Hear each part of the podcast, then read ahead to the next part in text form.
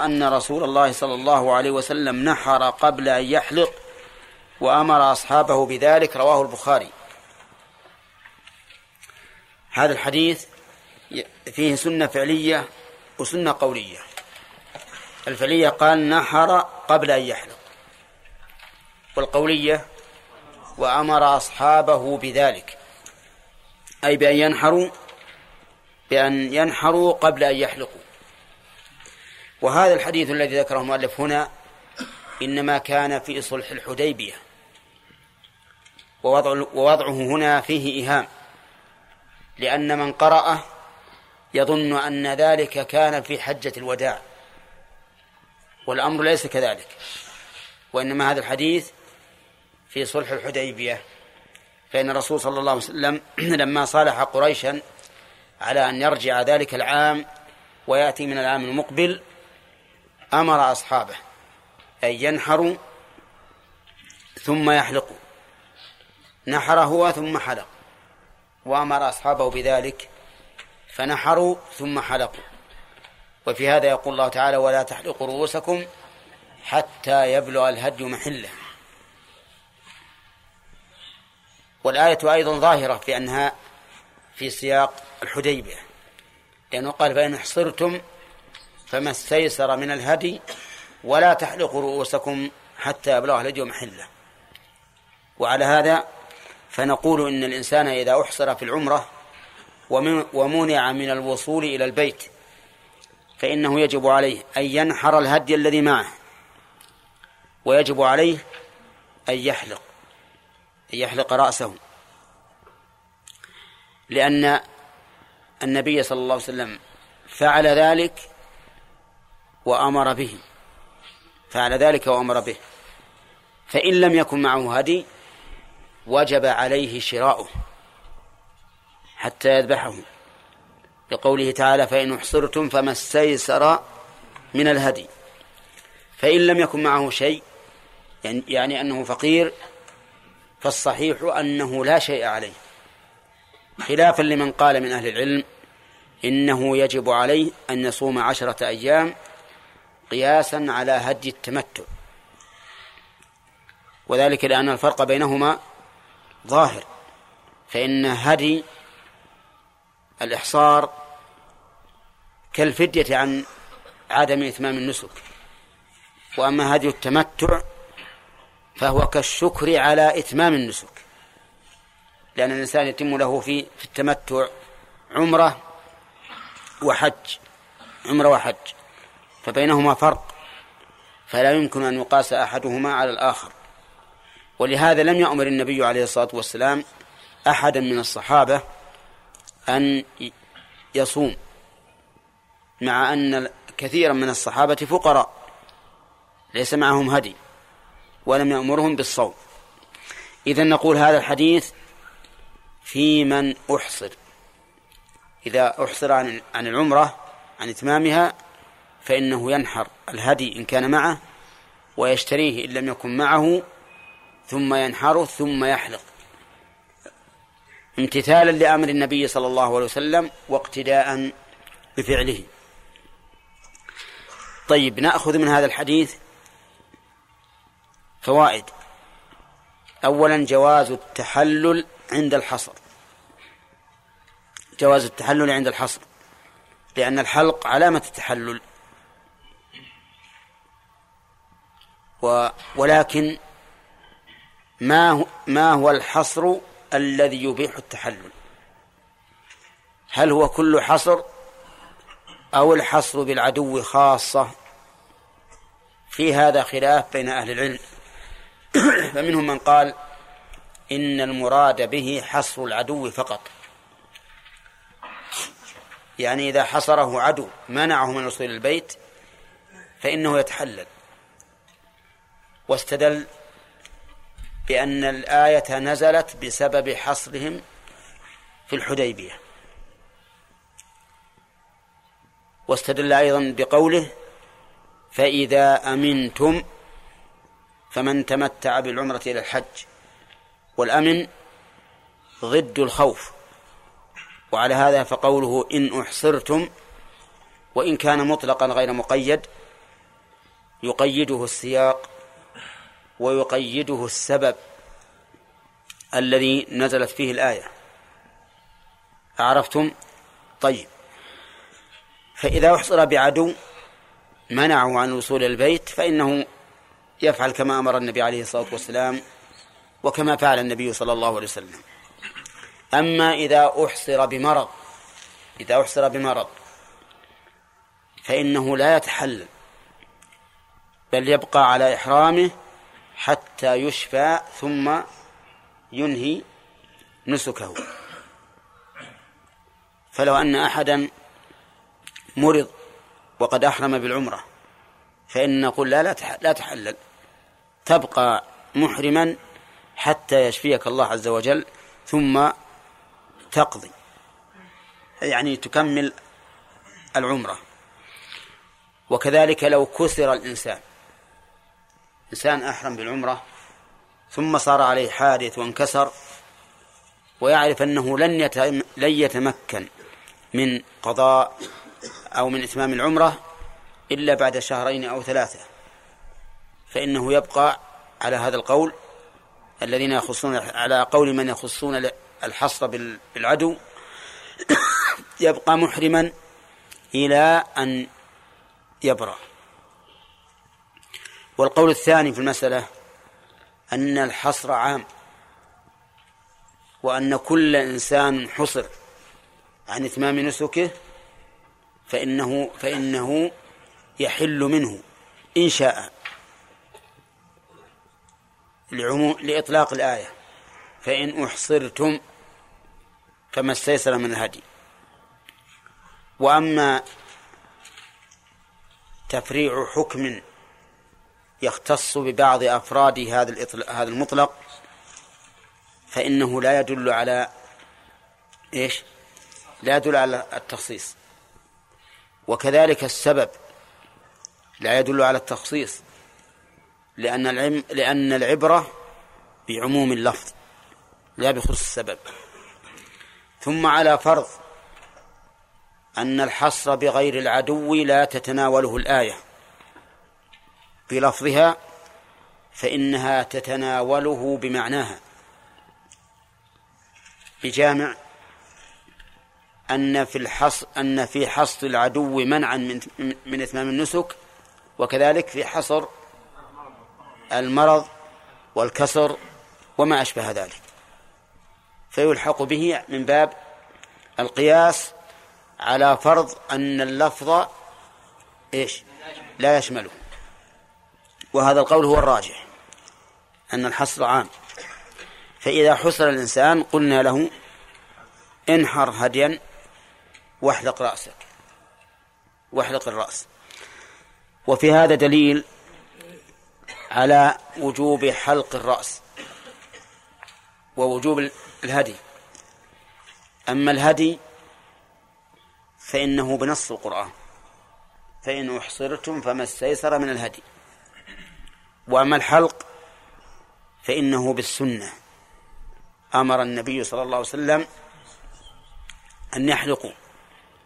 وقد يقول قائل إن في القرآن إشارة إليه.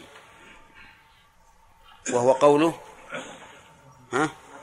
ولا تحلقوا رؤوسكم حتى يبلغ الهدي محله. فإن هذا يدل على أن أن الحلق مشروع. لكن الوجوب ثبت بالسنة لأن الرسول صلى الله عليه وسلم أمر أصحابه بذلك. وعلى هذا فيكون الهدي واجبا وكذلك الحلق. طيب فإن قصر أجزاء أو لا؟ أجزاء طيب فإن خالف الترتيب فإن خالف الترتيب فالظاهر أن هذا ليس بجائز. ظاهر أنه لا يجوز لقوله ولا تحلقوا رؤوسكم حتى يبلغ الهدي محله. ولم يرد الترخيص في التنكيس إلا في الأنساك في يوم العيد. طيب وعن عائشة رضي الله عنها قالت قال رسول الله صلى الله عليه وسلم إذا رميتم وحلقتم فقد حل لكم الطيب وكل شيء إلا النساء. رواه أحمد وأبو داود وفي إسناده ضعف. وعن ابن عباس رضي الله عنهما أن النبي صلى الله عليه وسلم قال ليس على النساء حلق وإنما يقصرن. رواه أبو داود بإسناد حسن. يقول الحديث الأول وإن كان في إسناده ضعف لكن يؤيده الحديث الثابت في الصحيحين كما سنذكر إن شاء الله.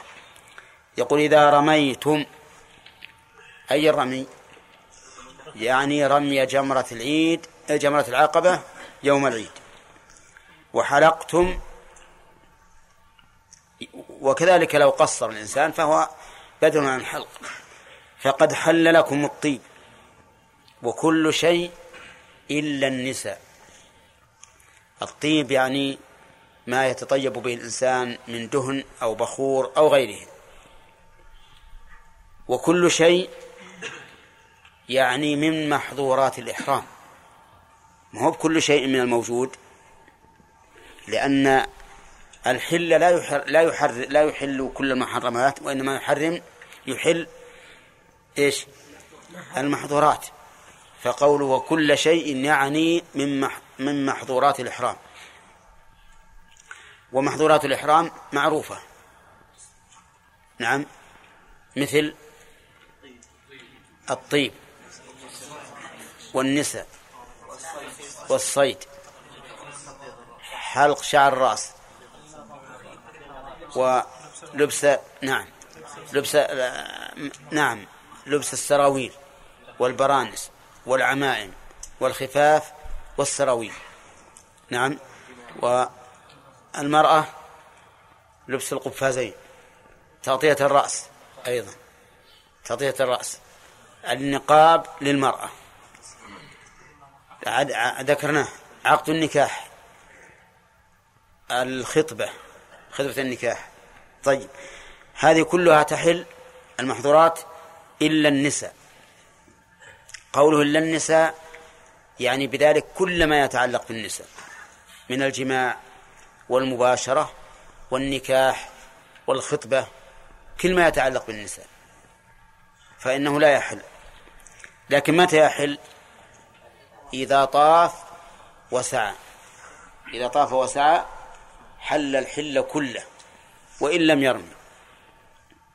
طيب في هذا الحديث دليل على أن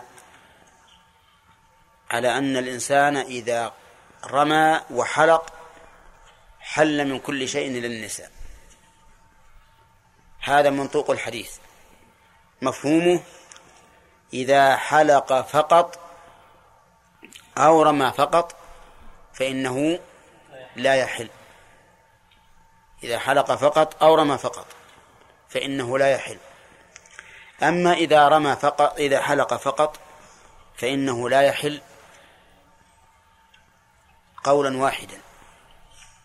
وأما إذا رمى فقط فظاهر الحديث أنه لا يحل وهو الصحيح. وقال بعض العلماء إنه يحل. قال بعض العلماء إنه يحل. واستدل بأن الحديث روي على وجه آخر بسند أصح. وهو قوله إذا رميتم جمرة العقبة فقد حللتم من كل شيء إلا من النساء. إذا رميتم فقد حللتم من كل شيء إلا إلا من النساء. واستدلوا أيضا بأن النبي صلى الله عليه وسلم قطع التلبية عند رمي جمرة العقبة. وهذا يدل على أنه شرع في التحلل وانتهى نسكه لأن التلبية تقال حتى ينتهي النسك. ولكن القول الراجح ما دل عليه هذا الحديث وإن كان ضعيفا لكنه يعضد بحديث عائشة الثابت في الصحيحين. كنت أطيب النبي صلى الله عليه وسلم لإحرامه قبل أن يحرم ولحله قبل أن يطوف بالبيت. لحله قبل أن يطوف. فجعلت الطواف مباشرا للحل. وهذا يدل على أن الحلق كان سابقا إيش؟ لا سابقا للحل. لأنها جعلت الذي للحل هو الطواف. إذن فالحلق سابق على الحل. سابق على الحل. وهذا يدل على أنه لا حل إلا بعد الحلق. وهذا أصح. هذا أصح لهذا الحديث وللحديث الذي أشرنا إليه في الصحيحين. والذهاب إليه أولى لأنه أحوط. وكلما كان أحوط مع اشتباه الأدلة كان سلوكه أولى. إن لم نقل أوجب لقول النبي صلى الله عليه وسلم دع ما يريبك إلى ما يريب إلى ما لا يريب. ولقوله صلى الله عليه وسلم إن الحلال بين وإن الحرام بين وبينهما أمور مشتبهات. فمن فمن اتقى الشبهات فقد استبرأ لدينه وعرضه. ومن وقع في الشبهات وقع في الحرام. ويستفاد من هذا الحديث يستفاد منه أن الطيب يحل بالتحلل الأول. لقوله فقد حل لكم الطيب لقولها فقد حل لكم الطيب. وللحديث الذي ثبت في الصحيحين كنت أطيب النبي صلى الله عليه وسلم لحله قبل أن يطوف بالبيت. خلافا لمن قال من أهل العلم إنه لا يحل له الطيب حتى يحل التحلل الثاني. وفيه أيضا دليل وفيه دليل على عظم محظور النساء. وجهه أنه لا يحل لا يحل له النساء إلا بعد التحلل الكامل بخلاف غيره من المحظورات. فإن قلت هل يشمل هذا الصيد؟ فالجواب لا ولا نعم؟ الجواب نعم يشمله فيحل له الصيد. فإن, فإن قلت كيف يصيد وهو في منى. ومنى من الحرم. والحرم صيده حرام. فالجواب يمكن أن يخرج يخرج إلى عرفة وعرفة من الحل ويصيد. طيب هل يجوز أن يخرج من الحرم وهو لم يؤدي النسك؟ الجواب نعم. لا مانع أن يخرج من الحرم وهو لم يؤدي النسك لأنه لا دليل على المنع. أما الحديث الثاني ففيه, ففيه دليل على أن النساء ليس عليهن حلق. لقوله ليس على النساء حلق ومفهومه أن على الرجال الحلق وهذه الفائدة الثانية. ويستفاد منه وجوب التقصير على النساء. لقوله وإنما يقصرن. ولكن كيف تقصر؟ قال العلماء تأخذ من كل ظفر من الضفائر التي عليها يعني الجدايل قدر أنملة. وش الأنملة؟ ها؟ المفصل الإصبع. قدر أنملة. وإنما وجب عليها ذلك لئلا يجتاح رأسها لئلا يجتاح التقصير رأسها. والمرأة تحب أن يبقى رأسها لأنه جمال لها. فلو أمرت بالحلق أو بالتقصير الكبير لفات المقصود من تجملها وجمالها. طيب فإن قلت هل لها أن تقصر أكثر من ذلك؟ الجواب لا مانع لكن المعروف عند أهل العلم أنها لا تقصر إلا بهذا المقدار قدر أنملة وهنا نستطرد لنبحث هل يجوز للمرأة أن تقص شعر رأسها أو لا يجوز؟ نقول هذا على على نوعين. نوع لا يجوز ونوع يذكر حكمه النوع الذي لا يجوز أن تقص رأسها حتى يكون كرأس الرجل. فهذا حرام. لأنه من باب التشبه بالرجال. وقد لعن النبي صلى الله عليه وسلم المتشبهات من النساء بالرجال. وكذلك أيضا لو قصته على وجه يشبه قص الكافرات بحيث لا يميز بين هذا القص وقص الكافرات فإن هذا لا يجوز. لقول النبي صلى الله عليه وسلم من تشبه بقوم فهو منهم. أما إذا قصته على وجه يشبه قص العاهرات فهذا لا شك أنه منهي عنه والعلماء حذروا منه. يعني لأن بعض الفاسقات العاهرات يكون لها يكون لهن زي معين في الشعر.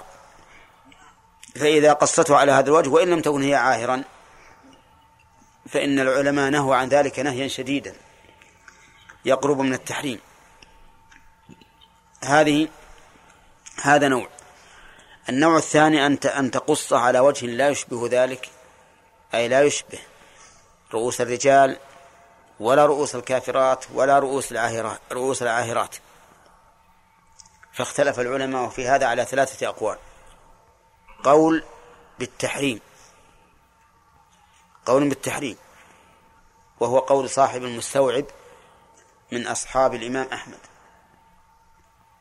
وقالوا إن هذا شهرة. لأن المعروف من عادة النساء أن لا يقصصن رؤوسهن.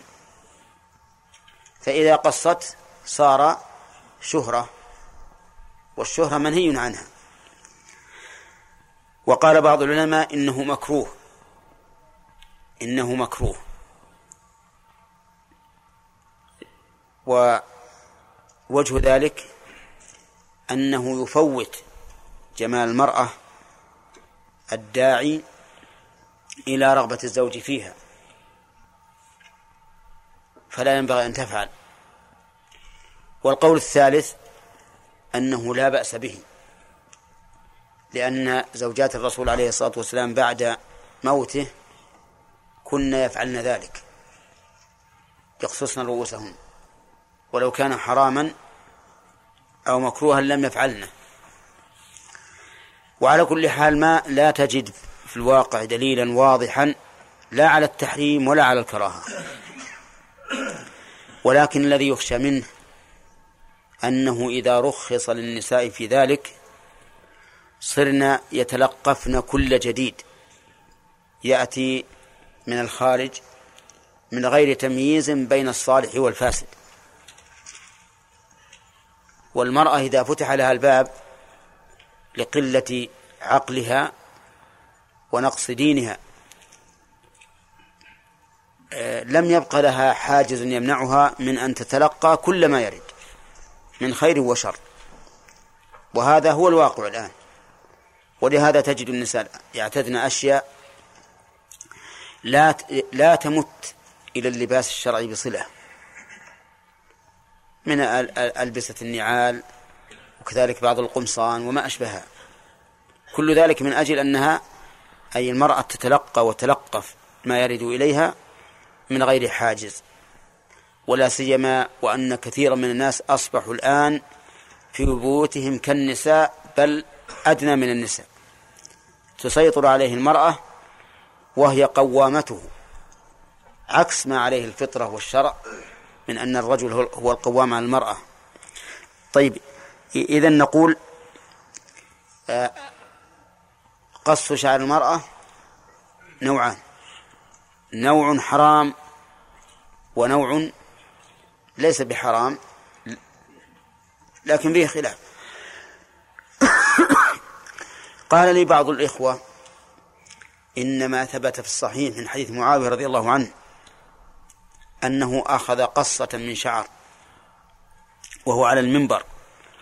يخطب الناس وقال إنما هلك بنو إسرائيل من أجل اتخاذ نسائهم هذه ورفعها. وقال إن هذا دليل على تحريم ما يسمى عند النساء ها؟ بالقصة أو هي القصة. وهي أن تقص مقدم مقدم الرأس. لكن يحتاج هذا إلى بحث. ونكله إلى من منكم؟ من من هو مستعد لذلك؟ شرح صحيح مسلم في صحيح مسلم الحديث. نعم. ها؟ أنت؟ وتحققه تماما. طيب. نعم.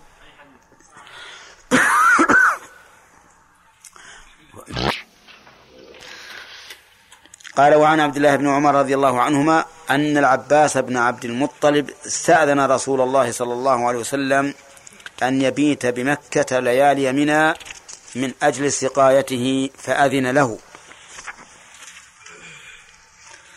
العباس بن عبد المطلب رضي الله عنه كان يتولى سقاية الحاج ماء زمزم. لأن النبي صلى الله عليه وسلم جعل السقاية فيهم. حتى إنه لما نزل في يوم العيد وشرب قال انزعوا بني عبد المطلب فلولا أن يغلبكم الناس على سقايتكم لنزعت معكم. يعني لولا أن يتبادر الناس إلى السقاية لأنني يعني نزعت الدلو معكم فيتخذها الناس عبادة والعبادة لا تختص بأحد دون أحد. لولا ذلك لنزعت معكم. كان رضي الله عنه يتولى سقاية الحاج. فاستأذن النبي صلى الله عليه وسلم أن يبيت أن يبيت بمكة من أجل سقايته لأنه يريد أن يسقي الناس ليلا ونهارا. فأذن له. أذن له النبي صلى الله عليه وسلم من أجل السقاية. فيستفاد من هذا الحديث عدة فوائد. الفائدة الأولى مشروعية المبيت بمنى ليالي أيام منى. وهي الحادية عشرة والثانية عشرة والثالثة عشرة لمن تأخر. وهذا متفق عليه بين العلماء. ولكن هل المبيت واجب؟ يأتم الإنسان بتركه ويلزمه دم بذلك أو ليس بواجب؟ هذا محل خلاف بين أهل العلم. فمنهم من قال إنه واجب لأن النبي صلى الله عليه وسلم بات بمنى. وقال للناس خذوا عني مناسككم. ثانيا لأن العباس استأذن من رسول الله صلى الله عليه وسلم فأذن له. ولو لم يكن واجبا ما احتاج إلى الاستئذان. ثالثا أنه داخل في عموم قوله تعالى واذكروا الله في أيام معدودات.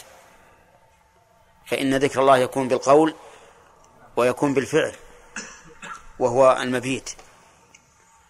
ومن العلماء من قال إنه سنة إنه سنة واستدل لذلك بأنه مراد لغيره. فإن المقصود الأعظم هو رمي الجمرات لقول النبي صلى الله عليه وسلم إنما جعل الطواف بالبيت وبالصفا والمروة ورمي الجمار لإقامة ذكر الله. ولم يقل والمبيت بمنى لإقامة ذكر الله. ولأن الأصل براءة الذمة وعدم التأثيم بالترك. وأما قول النبي عليه الصلاة والسلام خذوا عني مناسككم فمن المعلوم أن هذا الحديث ليس على عمومه بالاتفاق وإلا لوجبت الإشارة إلى البي... إلى الحجر الأسود وجب الرمل وجب الاطباع وغير ذلك من الأشياء التي ليست بواجبة. وأما استئذان العباس فلا يمتنع أن يستأذنه في ترك مستحب. فيقول ائذن لي وإن كان ليس بواجب. ولكن الذي يظهر الذي يظهر وجوب الذي يظهر وجوب المبيت في منى. وأنه لا يجوز للإنسان أن يدع المبيت. ولكن ما مقدار الواجب منه؟ قال العلماء مقدار الواجب منه أن يبيت معظم الليل. يعني أن يبقى في منى معظم الليل من أوله أو من آخره. فإذا وصل إلى منى مثلا من مكة وهو في مكة في النهار وصل إلى منى قبل منتصف الليل بساعة وبقي إلى الفجر. يكون أتى بالواجب؟ ها؟ نعم لأنه بقي معظم الليل. ولو بقي في منى إلى ما بعد منتصف الليل بساعة مثلا. أجزأه أجزأه لماذا؟ لأنه بقي في منى معظم الليل. طيب. إذا قلنا بالوجوب فهل يلزمه دم بترك ليلة أو بترك الليلتين جميعا؟ أو بترك الثلاث إن تأخر؟ نقول لا يلزمه دم بترك ليلة. إنما يلزمه الدم بترك الليلتين إن تعجل أو الثلاث إن تأخر. فأما إذا ترك ليلة واحدة فلا يلزمه دم.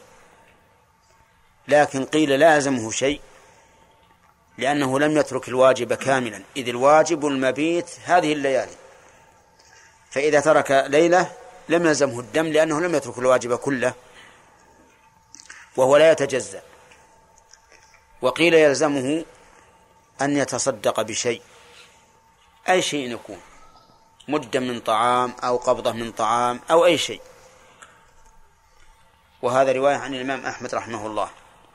وأما أن يلزم بدم مع أنه لم يدع الواجب كله فلا وجه له. طيب.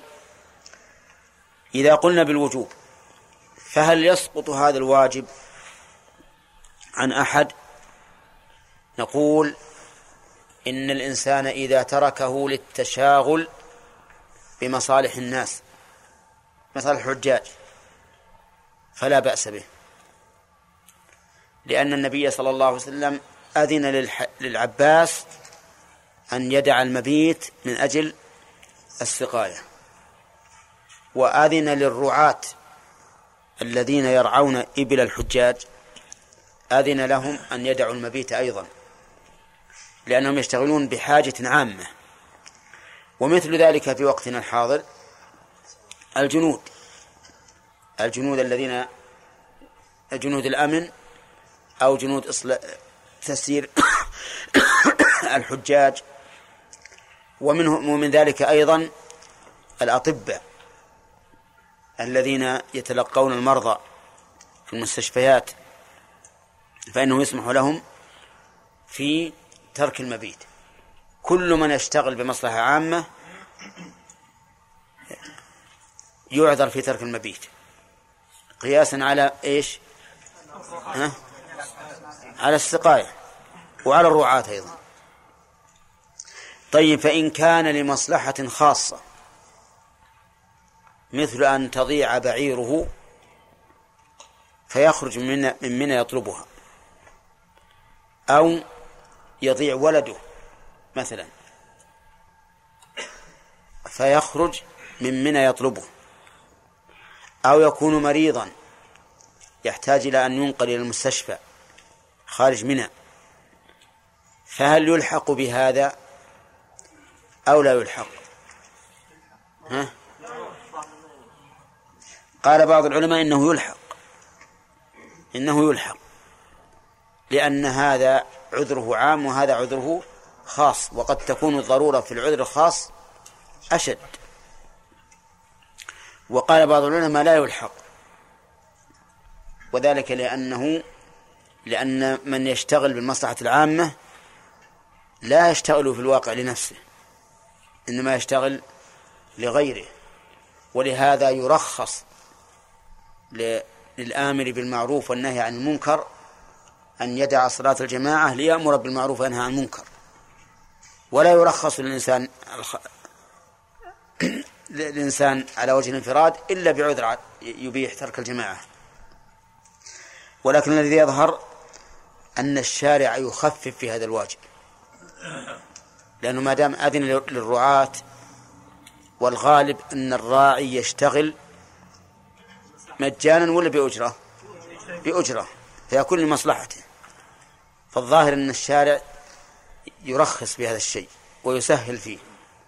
فإذا كان للإنسان عذر خاص من مرض أو غيره فإنه يعذر في ترك المبيت ولا شيء عليه. و ترى ما معي ساعة؟ أي ما هي معي ما هي معي. أي راح. نعم.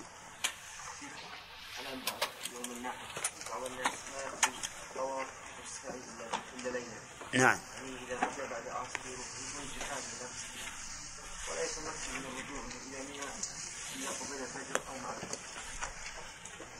إي نعم.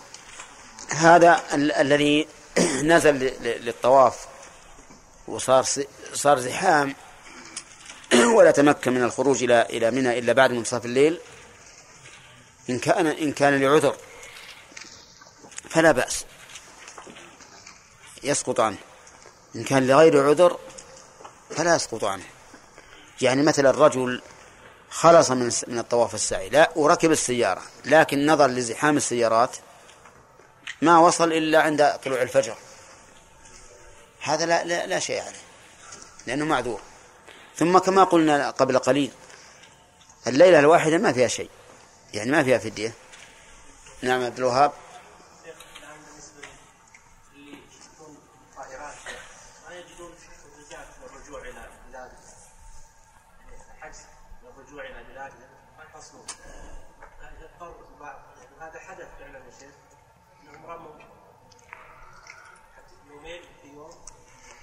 سافر رجل في اليوم الثاني عشر في اليوم الحادي عشر قاموا الثاني عشر وخرج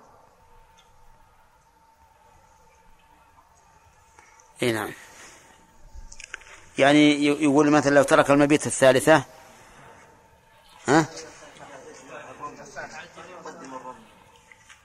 كيف؟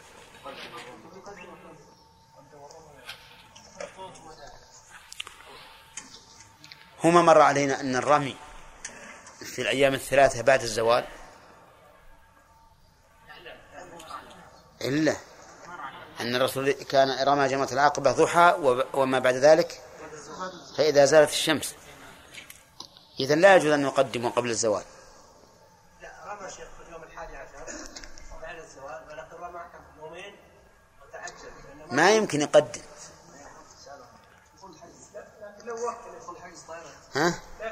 ما ينفع إذا وكل يبقى هو في, في لا ما يوكل لو وكل لأنه الآن إذا خرج من مكة معناه أنه خرج قبل قبل الرمي لأن وكيله يقوم مقامه. فإذا خرج هو قبل أن يرمي وكيله فإنه كالخارج قبل أن يرمي.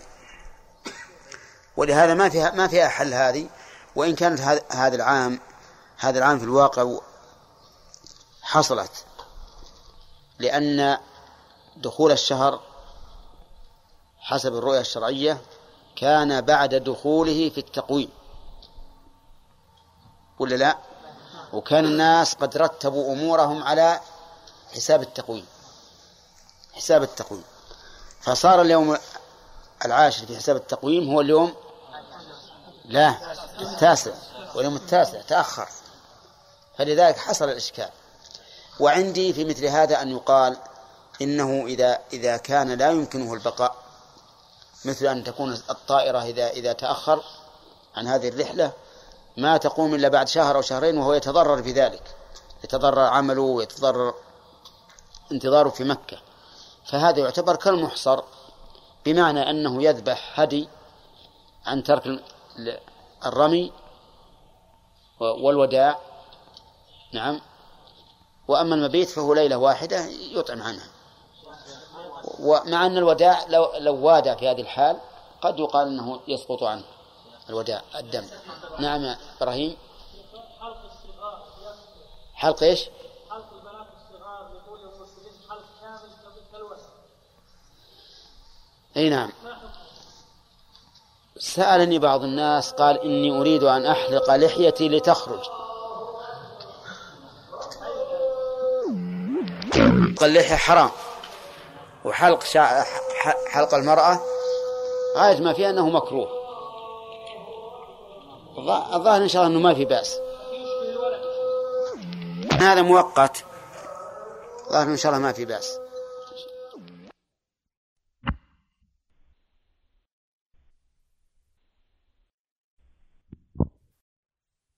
والصلاة والسلام على نبينا محمد وعلى آله وأصحابه أجمعين.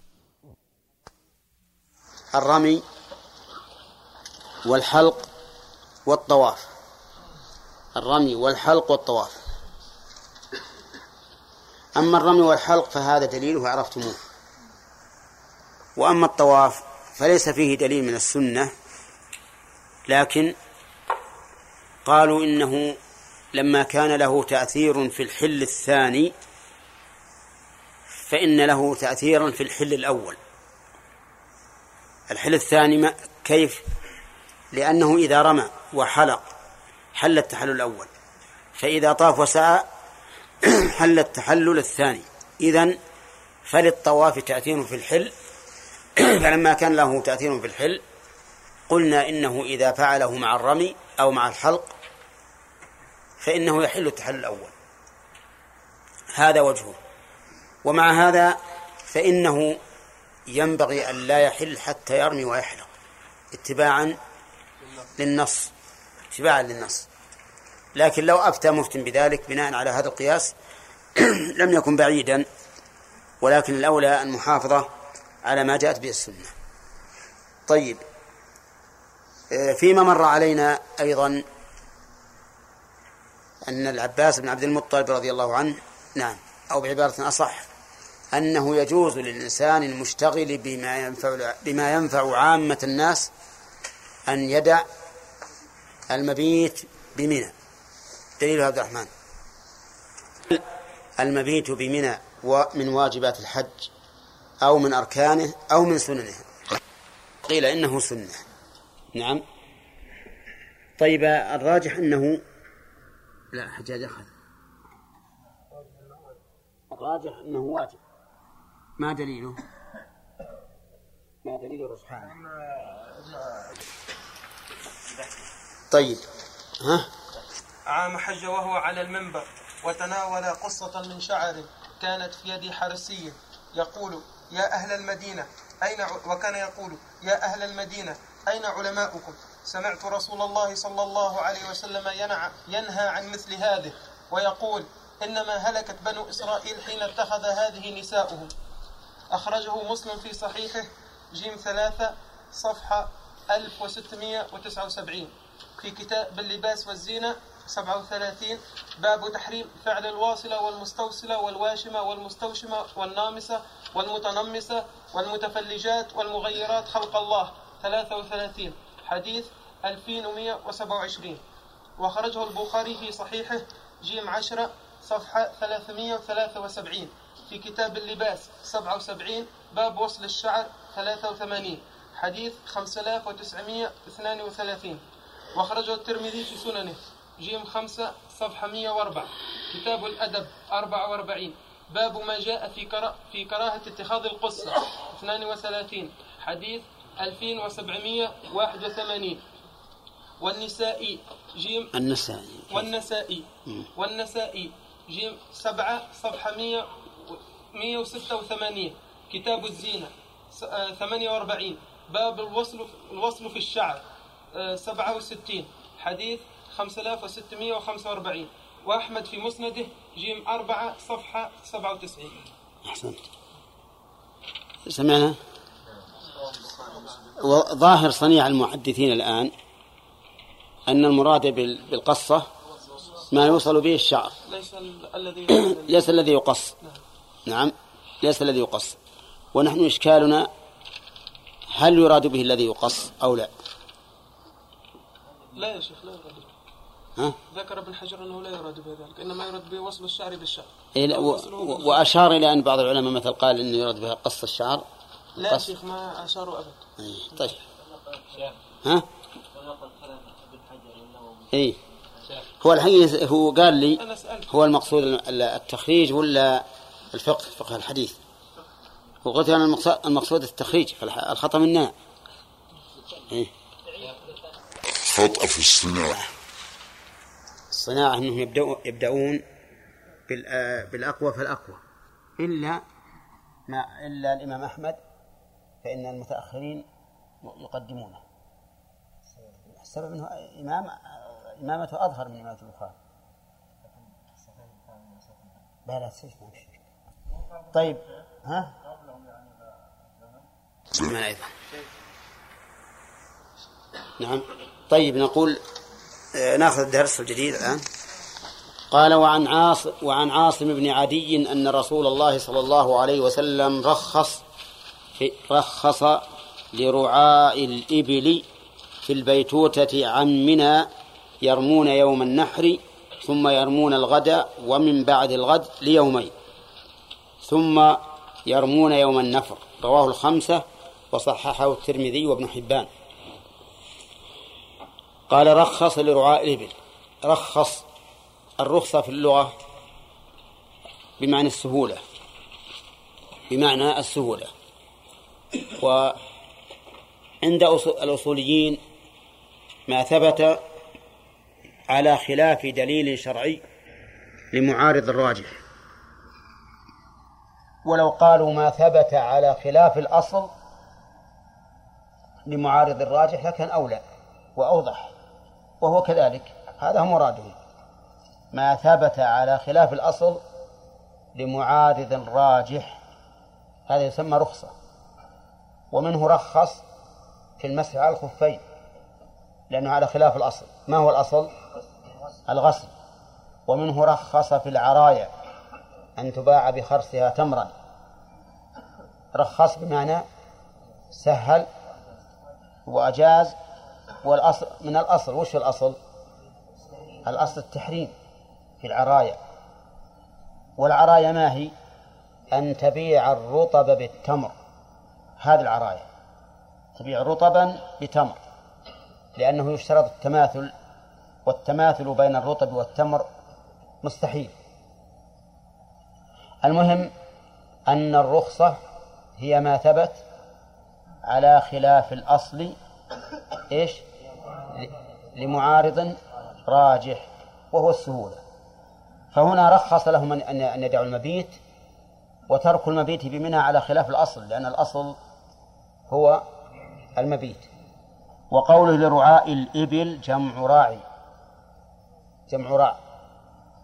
وهم الذين يرعونها في أماكن النبات. والمراد بالإبل هنا إبل الحجاج لأن الحجاج في منى نازلون لا يحتاجون إلى إبلهم وإن والإبل تحتاج إلى الأكل فيذهب بها الرعاة إلى مواضع القطر والنبات لترعى. رخص لهم في البيتوتة عن منى في البيتوتة عن منى كان مقتضى التركيب أن يقول في الميب عن إيش؟ في البيتوتة بمنى لكن عن منى يحتاج إلى تأويل إما بعن وإما بالبيتوتة كما مر علينا في هذا وأمثاله أن العلماء علماء النحو اختلفوا. هل التجوز في الحرف أو في الفعل الذي قبله؟ يعني في العامل الذي قبله أو في العامل الذي قبله؟ وقلنا إن مذهب البصريين أن التجوز في العامل الذي قبله والكوفيين في الحرف فمثلا يقولون عن هنا بمعنى الباء. في البيتوتة بمنى. وأما البصريون فيقولون إن البيتوتة هنا ضمنت معنى النزوح. يعني في النزوح عن منى والبعد عنها. ومعلوم أنهم إذا نزحوا عن منى فلن فلن يبيتوا بها. على كل حال رخص لهم في أن يدعوا منى لا يبيتون بها ويبيتون مع إبلهم. لكن الرمي قال يرمون يوم النحر يرمون يوم النحر وهذا لا بد منه لأن لأن الحجاج على رواحلهم يوم النحر فلم يسلموها إلى الرعاة. وليس الرعاة في حاجة إلى أن يؤجلوا رمي يوم النحر. أليس كذلك؟ قال يرمون يوم النحر. ثم يرمون الغد ومن بعد الغد ليومين. يعني يجمعون رمي الغد وهو اليوم الثاني من أيام العيد واليوم الأول من أيام التشريق. لليوم الثاني ليومين يعني اليوم الثاني عشر. اليوم الثاني عشر. إذا سيتركون المبيت ليلة 11 وليلة اثني عشر. والرمي يوم 11 ما يرمون. يؤجلونه إلى يوم الثاني عشر.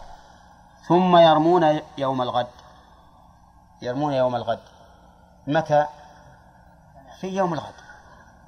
لأنهم إذا جاءوا يوم الثاني عشر ما يذهبون للرعي إذ أن من الناس من يتعجل فيحتاج إلى إبله.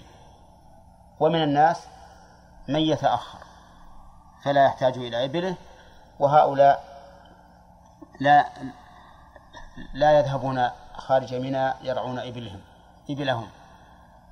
ولو كانوا يبقون في المرعى إلى اليوم الثالث عشر لأخروا رمي الجمرات إلى اليوم الثالث عشر. لكنهم يأتون اليوم الثاني عشر من أجل من أجل من؟ من أجل من يتعجل. طيب في هذا الحديث فوائد. منها العناية بالرواحل الإبل. وألا تترك بدون رعي لهذه المدة لأن في ذلك تعذيبا لها وإيلاما لها بالجوع. وقد قال النبي عليه الصلاة والسلام كفى بالمرء إثما أن يضيع من يقوت. فلا يجوز للإنسان أن يحبس البهائم في مثل هذه المدة وإن كانت الإبل قد تصبر هذه المدة لكن تصبر مع التحمل والمشقة. والله عز وجل أوجب علينا أن نرعى ما تحت أيدينا رعاية تامة ومن فوائد الحديث شمول الإسلام شمول الشريعة الإسلامية وأنها تلاحظ حتى البهائم العجب كيف ذلك؟ ها؟ ترخيص بترك هذه الشعيرة من أجل مراعاة هذه الإبل طيب. ومن فوائد الحديث أن المشتغل بالمصالح العامة يسقط عنه وجوب المبيت بمنى. نعم. لأن هؤلاء الرعاة سقط عنهم المبيت بمنى.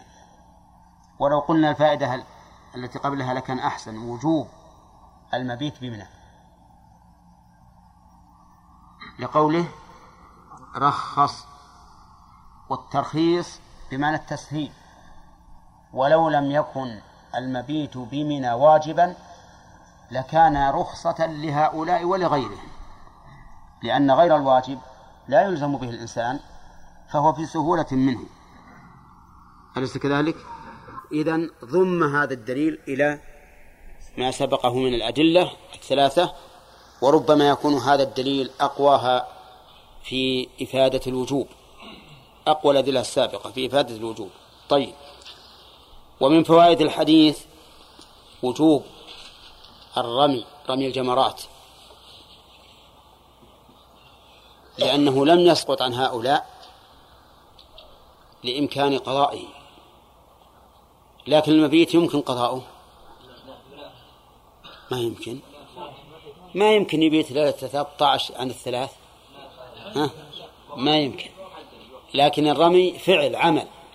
يمكن قضاؤه طيب إذن فيستفاد منه وجوب الرمي لأنه لو لم يجب لقلنا إنه سنة فات محلها بيومها فلا تقضى.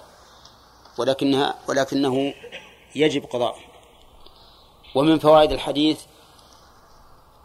منع الاستنابة في الرمي. منع الاستنابة في الرمي.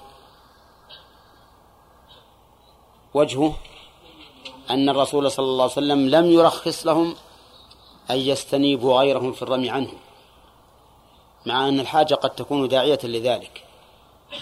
ولو كانت الاستنابة جائزة في الرمي لأجازه النبي صلى الله عليه وسلم لهم. فيتفرع على هذا فائدة أخرى وهي خطأ أولئك القوم الذين يتساهلون في رمي الجمرات اليوم. فتجد الواحد منهم يقول وبكل سهولة خذ يا فلان حصاي ارمي بهن ارمي بهن وإن كان قادرا. نعم لكن جالس علشان يسوي الشاهي للجماعة. نعم هذا نقول حرام. طيب وفيه أيضا بيان خطأ من يبيحون للنساء الاستنابة في الرمي مطلقا. كيف ذلك؟ لأن الواجب لا يسقط بهذه السهولة. لا يسقط عن المرأة لأنها امرأة. وإلا لقلنا بسقوط طواف الوداع مع الزحام. نعم. ولكن نقول إنه يجب على المرأة أن ترمي بنفسها. والزحام الذي يكون يمكن أن يتلافاه الإنسان بأي شيء بالتأخر وقت يؤخر بدل ما يرمي عند الزوال يرمي بعد العصر إن لم يمكن بعد بعد المغرب إن لم يمكن بعد العشاء.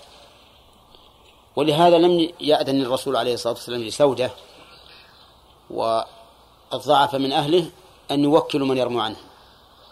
بل أذن لهم أن يدفعوا قبل الفجر من أجل أن يرموا بأنفسهم. ومن فوائد الحديث أنه يجوز جمع رمي أيام التشريق لكن تأخيرا لا تقديما. جمع الرمي تأخيرا لا تقديما. نعم. لأن الرسول صلى الله عليه وسلم أذن لهؤلاء أن يجمعوا تأخيرا أو تقديما. تأخيرا. ولو كان تقديما لرموها يوم العيد. لكن تأخيرا. ومن فوائده أنه لا يجوز للقادر أن يؤخر رمي يوم إلى اليوم الذي بعده. وجه الدلالة أنه قال رخص. والترخيص يدل على إيش؟ على أن على أنه في غير هذه الحال ممنوع. لأن الترخيص خص بحالة معينة تقتضي التسهيل. وعلى هذا فلا يجوز أن نجمع أيام التشريق أي رمي أيام التشريق إلى آخر يوم بل نرمي كل يوم في يومه. ومن ذهب من ذا إلى ذلك من أهل العلم فمذهبه ضعيف ضعيف لهذا الحديث ولأن النبي صلى الله عليه وسلم كان يرمي كل يوم في يومه ويقول خذوا عني مناسككم خذوا عني مناسككم ولأنه أظهر في العبادة أظهر في العبادة وأطيب للقلب. كيف ذلك؟ لأن الإنسان يتعبد لله تعالى بهذه العبادة كل يوم. وإذا جمعها فاتت عليه فاتت عليه أن يتعبد لله تعالى بها كل يوم. وهذا أمر له شأنه لأن الشارع له نظر في أن يتعبد الناس لله عز وجل في الأوقات التي شرع لهم أن يتعبدوا لله فيها. وإلا لكنا نقول تجمع الصلوات الخمس عند النوم هو آخر يوم يعني هو آخر اليوم ويكون عبادته لله تعالى في هذه الصلوات في آخر اليوم لأجل أن يختم بها يومه لكن نقول للشارع نظر في أن تتوزع العبادات على الزمن حتى يبقى القلب عامرا بهذه العبادة. في اليومين أو الثلاثة مثلا. إذن فجمعها مع مخالفته لهدي النبي عليه الصلاة والسلام تفوت يفوت به هذا المعنى العظيم. وهو إشغال القلب بهذه العبادة في كل الأيام الثلاثة. طيب ومن فوائد هذا الحديث أن هذا الدين يسر وأنه كلما وجد سبب التيسير حل التيسير. نعم. ولهذا قال صاحب النظم جميع ما جميع ما يشرعه قد يسر. من أصله وعند عارض طرأ. يعني الشرع ها؟ إيش؟ وكل ارفع صوتك يا أخي. وكل ما كلفه؟ ندري على كل حال أن كل شيء شرعه هذا الدين فهو ميسر من أصله. وعند عارض طرأ يعني إذا وجد عارض يقتضي التيسير أكثر فإنه يسره. صل قائما. فإن لم فإن لم تستطع فقاعدا. فإن لم تستطع فعلى جنب. هذا من التيسير. بدل من أن يكلف الرعاة أن يأتوا فرضا كل يوم ليرموا رخص لهم أن يؤخروا. هل يقاس على الرعاة من يشبههم ممن يشتغلون بمصالح المسلمين العامة كجنود المرور وجنود الأمن وجنود الإطفاء والمشتغلين بالبريد وما أشبه ذلك. ها؟ نعم لا شك في هذا. أنهم يلحقون بهم. فلهم أن يدعوا المبيت ولهم أن يؤجلوا الرمي أو أن يجمعوا الرمي جمع تأخير في آخر يوم. طيب. هل يلحق بهم في تأخير الرمي من كان معذورا بمرض أو نحوه؟ مثل أن يصيب الإنسان زكام في اليوم الثاني ويؤخر اليوم الثالث. الجواب؟ نعم. نعم للمشقة. وما دامت وما دمنا نعلم والعلم عند الله أن العلة في جواز التأخير لهؤلاء الرعاة هو المشقة. نقول إذن من شق عليه أن يرمي كل يوم في يومه فله أن يؤخر. طيب من لم يستطع أن يرمي أبدا ماذا يصنع؟ قال بعض العلماء إنه يسقط عنه الرمي. يسقط عنه. لماذا؟ قال لأن الرمي واجب والواجبات تسقط بالعجز عنها بنص القرآن. لا يكلف الله نفسا إلا وسعها. فاتقوا الله ما استطعتم. فإذا عجز فإنه لا لازم وقال آخرون بل إذا عجز فإنه يوكل يستنيب. يستنيب واستدلوا بأن الحج تجوز الاستنابة في جميعه ففي بعضه فببعضه أولى. تجوز الاستنابة في جميع عند العجز يعني ففي بعضه أولى.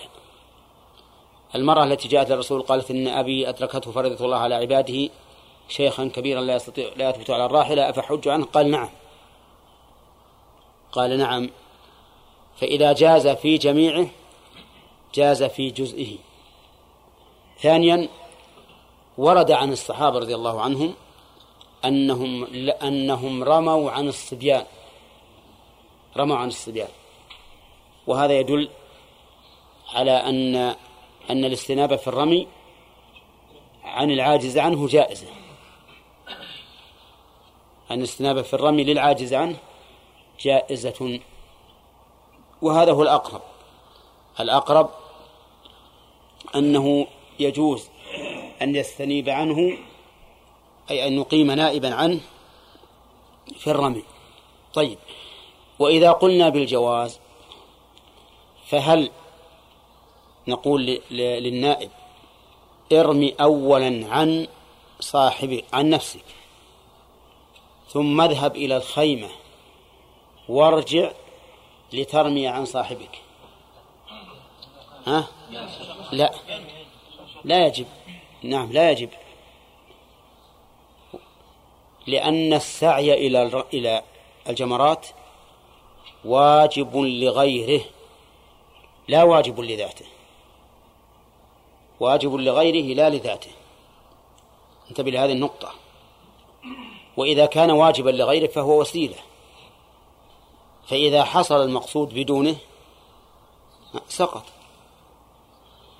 ننتقل من هذه النقطة إلى نقطة مهمة أهم منها وهي إذا وجب الحج على إنسان في القصيم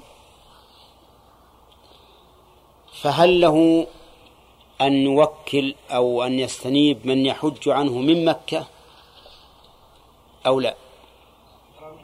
ها؟ في خلاف. ولكن الأقرب للقواعد أنه يجوز لأن سعي الإنسان من القصيم إلى مكة مقصود لغيره ولا لا؟ ما هو مقصود أنك تمشي مقصود لغيره. ولهذا لو سافرت إلى مكة لا للحج ثم بدا لك وأنت هناك أن تحج لا نقول اذهب إلى القصيم وارجع حاجا نقول حج من مكانك.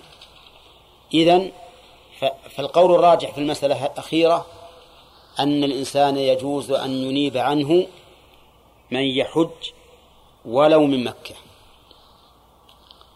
لأن السعي من مكان الوجوب إلى مكة ها وسيلة مقصود لغيره.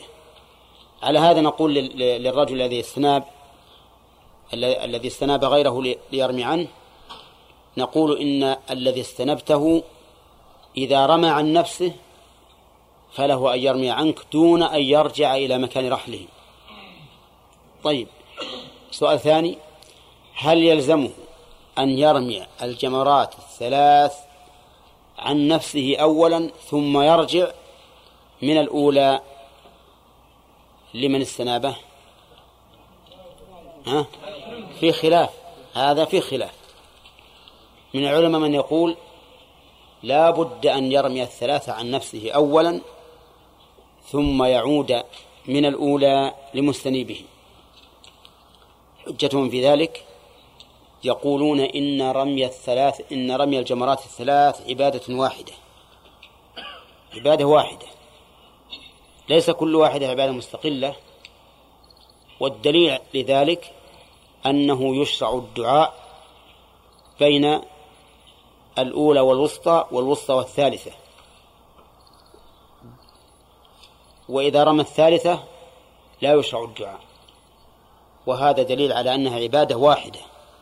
يشرع الدعاء في جوفها لا بعد الانفصال عنها. إذن فلا بد أن ترمي أولا عن نفسك واحد اثنين ثلاثة. ثم تعود وترمي ها عن موكلك. عرفتم؟ وعللوا أيضا قالوا لأنه إذا ف... إذا رمى عن نفسه أولا في الجمرة الأولى ثم عن وكيله فاتت الموالاة.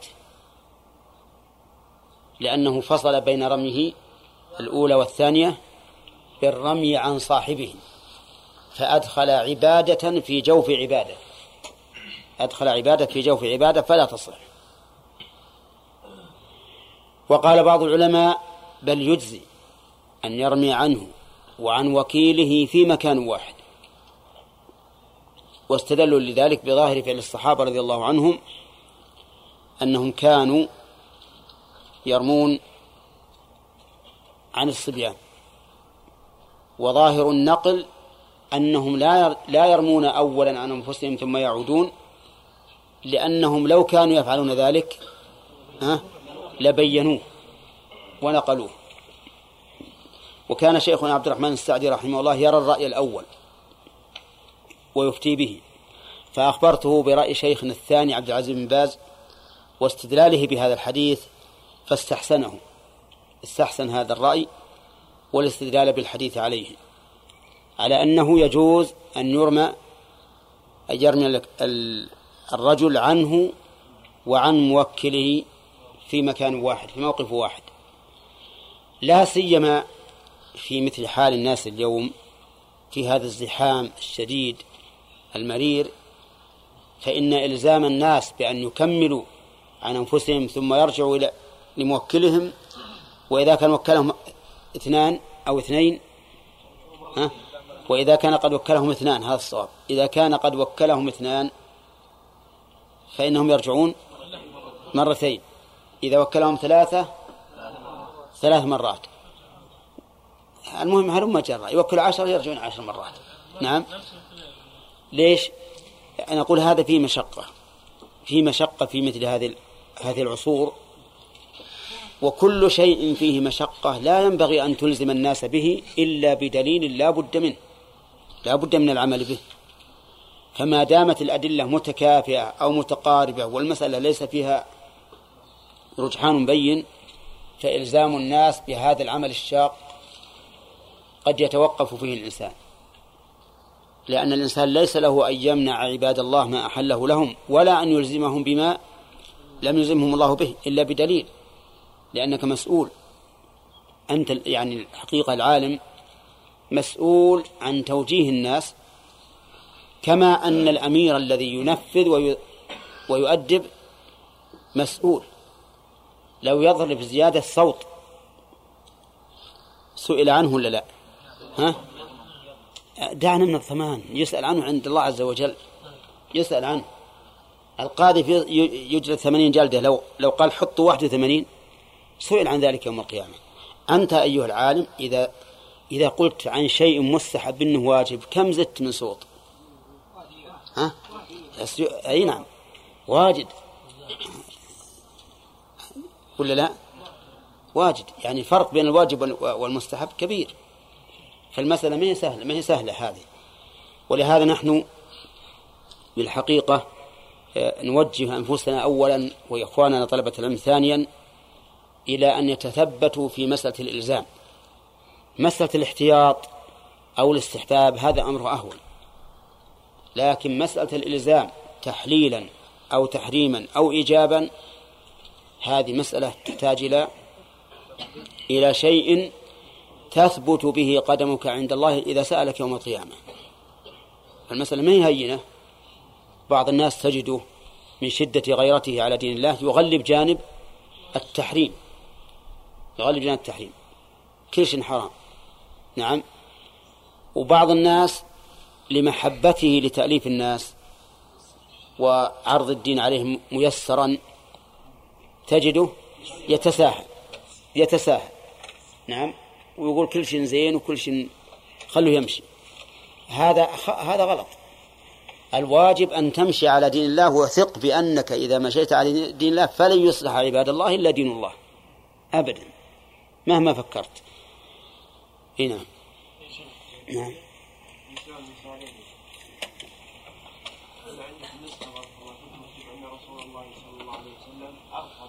نعم. نعم. أي نعم.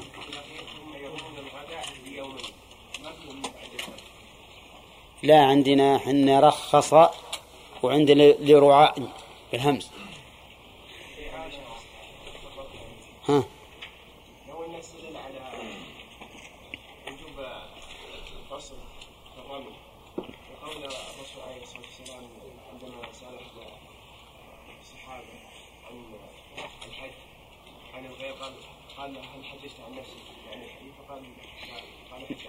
نعم يقول يعني ان هذا يقيس عليه هذا الشيء اي طيب قس يقول كما قسنا مثلا القضية الاولى قسنا على طيب قس ماذا تقول؟ اذا قست ماذا تقول؟ يعني نقول لو رمى عن موكله قبل رميه عن نفسه ما صح هذا صحيح نعم اي نعم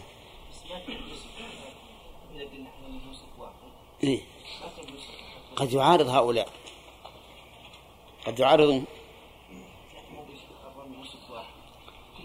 قد يقولون كل كل واحدة منفردة عن نفس بنفسها. وهذا مو مو شيء مسلم.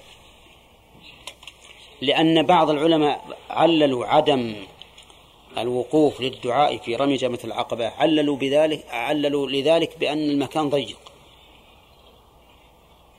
هنا نعم.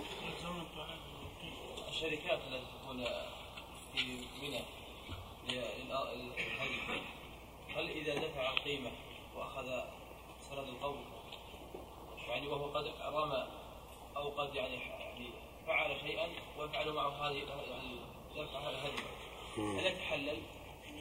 وش تقول؟ هذا سؤال جيد. ها؟ سكر لا جزاك الله خير. ها؟ يقول إذا دفعت الفلوس للشركات اللي تقبض الفلوس من أجل ذبح الهدي. هذا موجود الآن. ورميت. هل تتحلل؟ لا اصبر يا أخي. أنا دفعت قروشي. دفعت قروشي. فهل أتحلل؟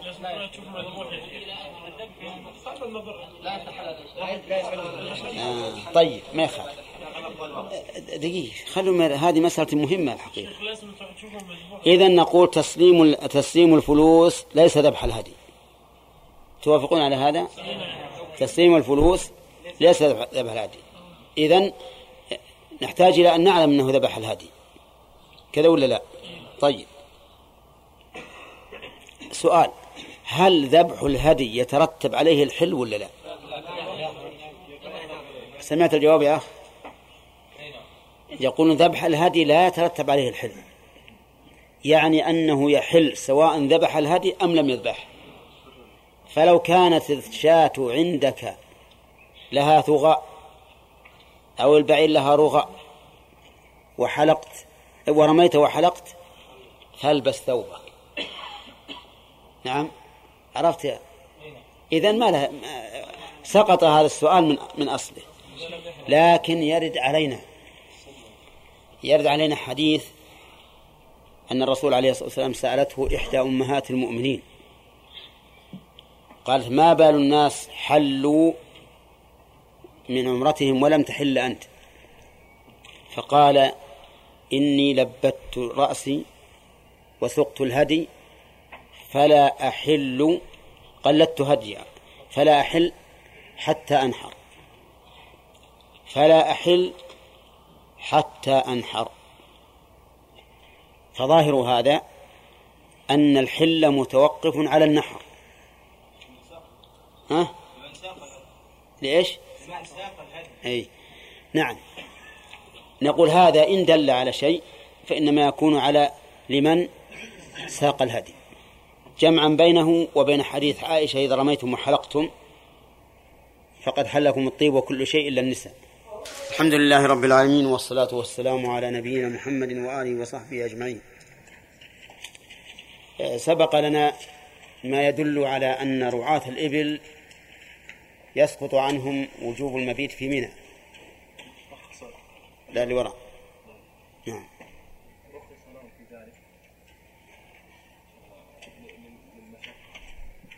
من رخص لهم؟ في البيتوتة عن منى. طيب. هل يلحق بهم غيرهم؟ عليان.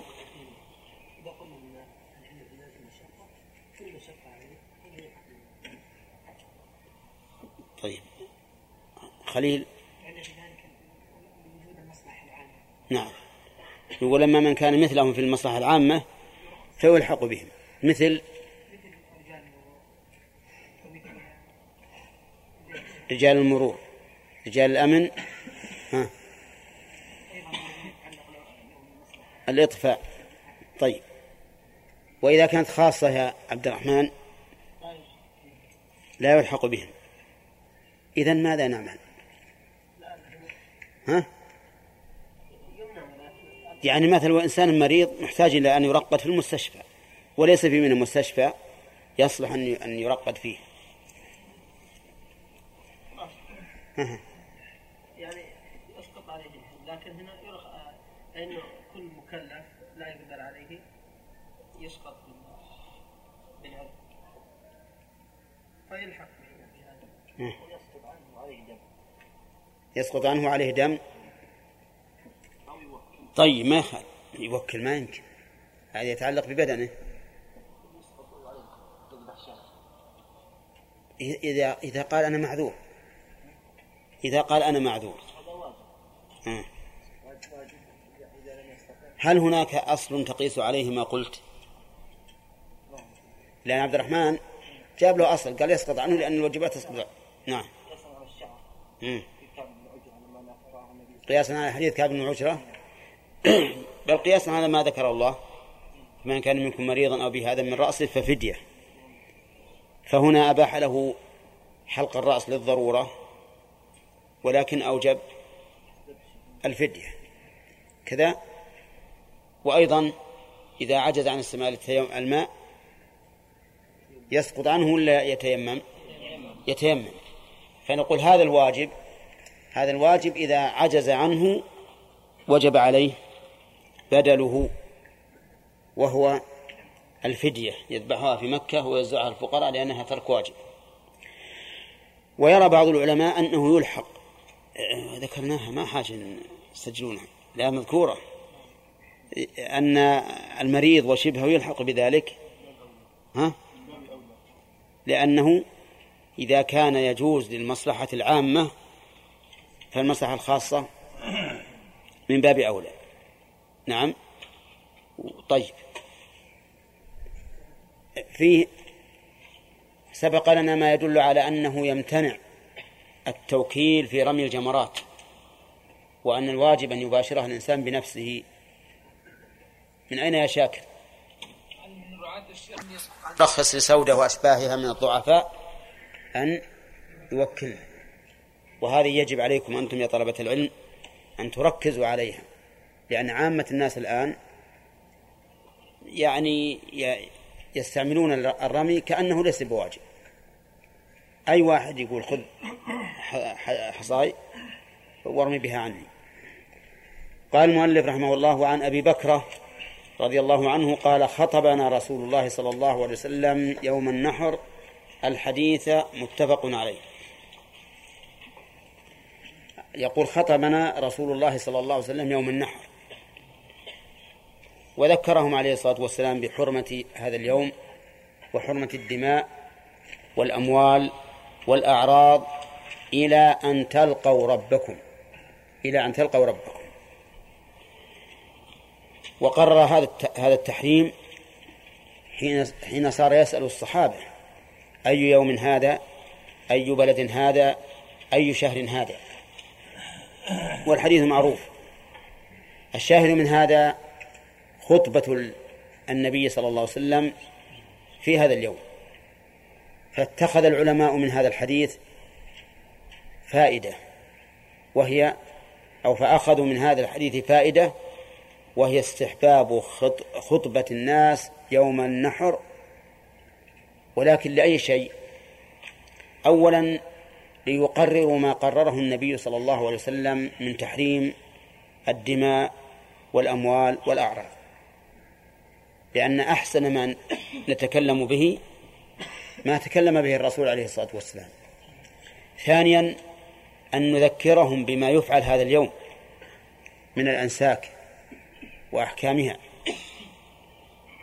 نعم لأن الناس محتاجون إلى بيان ذلك.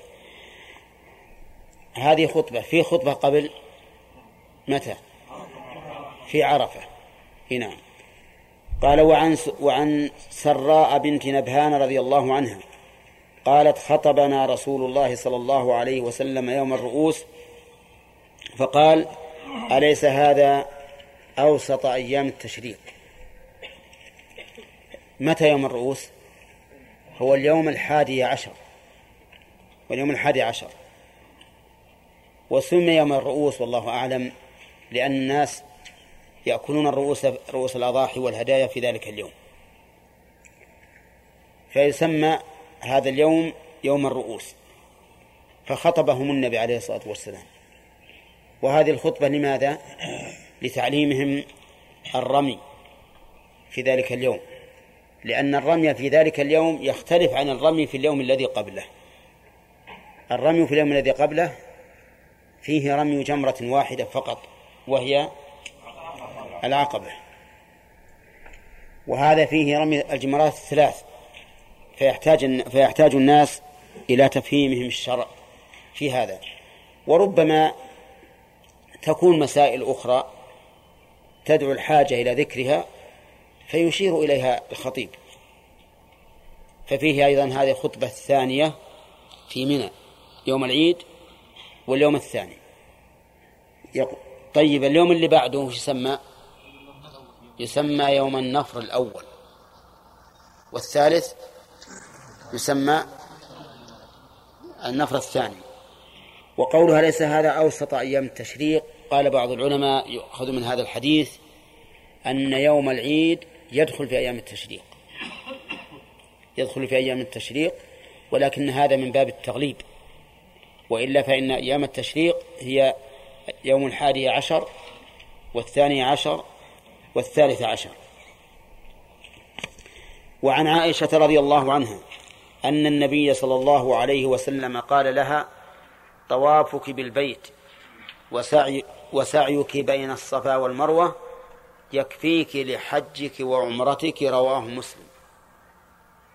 عائشة رضي الله عنها قصتها أنها كانت أحرم أحرمت بالعمرة من ذي الحليفة. فلما وصلت سرف حاضت. فدخل عليها النبي عليه الصلاة والسلام وهي تبكي فقال ما شأنك؟ لعلك نفست؟ قالت نعم. فقال لها مسليا لها هذا شيء كتبه الله على بنات آدم. ثم قال افعلي ما يفعل الحاج غير أن لا تطوفي بالبيت. وفي موطأ مالك ولا بين الصفا والمروة وهذا وإن لم يذكر فقد صح في البخاري وغيره أنها حين طهرت طافت بالبيت وبالصفا والمروة. وهذا دليل على أنها لم تسعى بين الصفا والمروة. على كل حال قال لها هكذا وبقيت تفعل ما يفعل الحاج ولم تطف بالبيت ولما كان يوم عرفة طهرت من الحيض فأمرها النبي عليه الصلاة والسلام أن تغتسل وأن تدع العمرة يعني لا تعتمر لأن فات وقت العمرة وأن تجعله حجا فأحرمت بالحج. وهل أمره أن تدع العمرة أن تدعها بالنية والفعل؟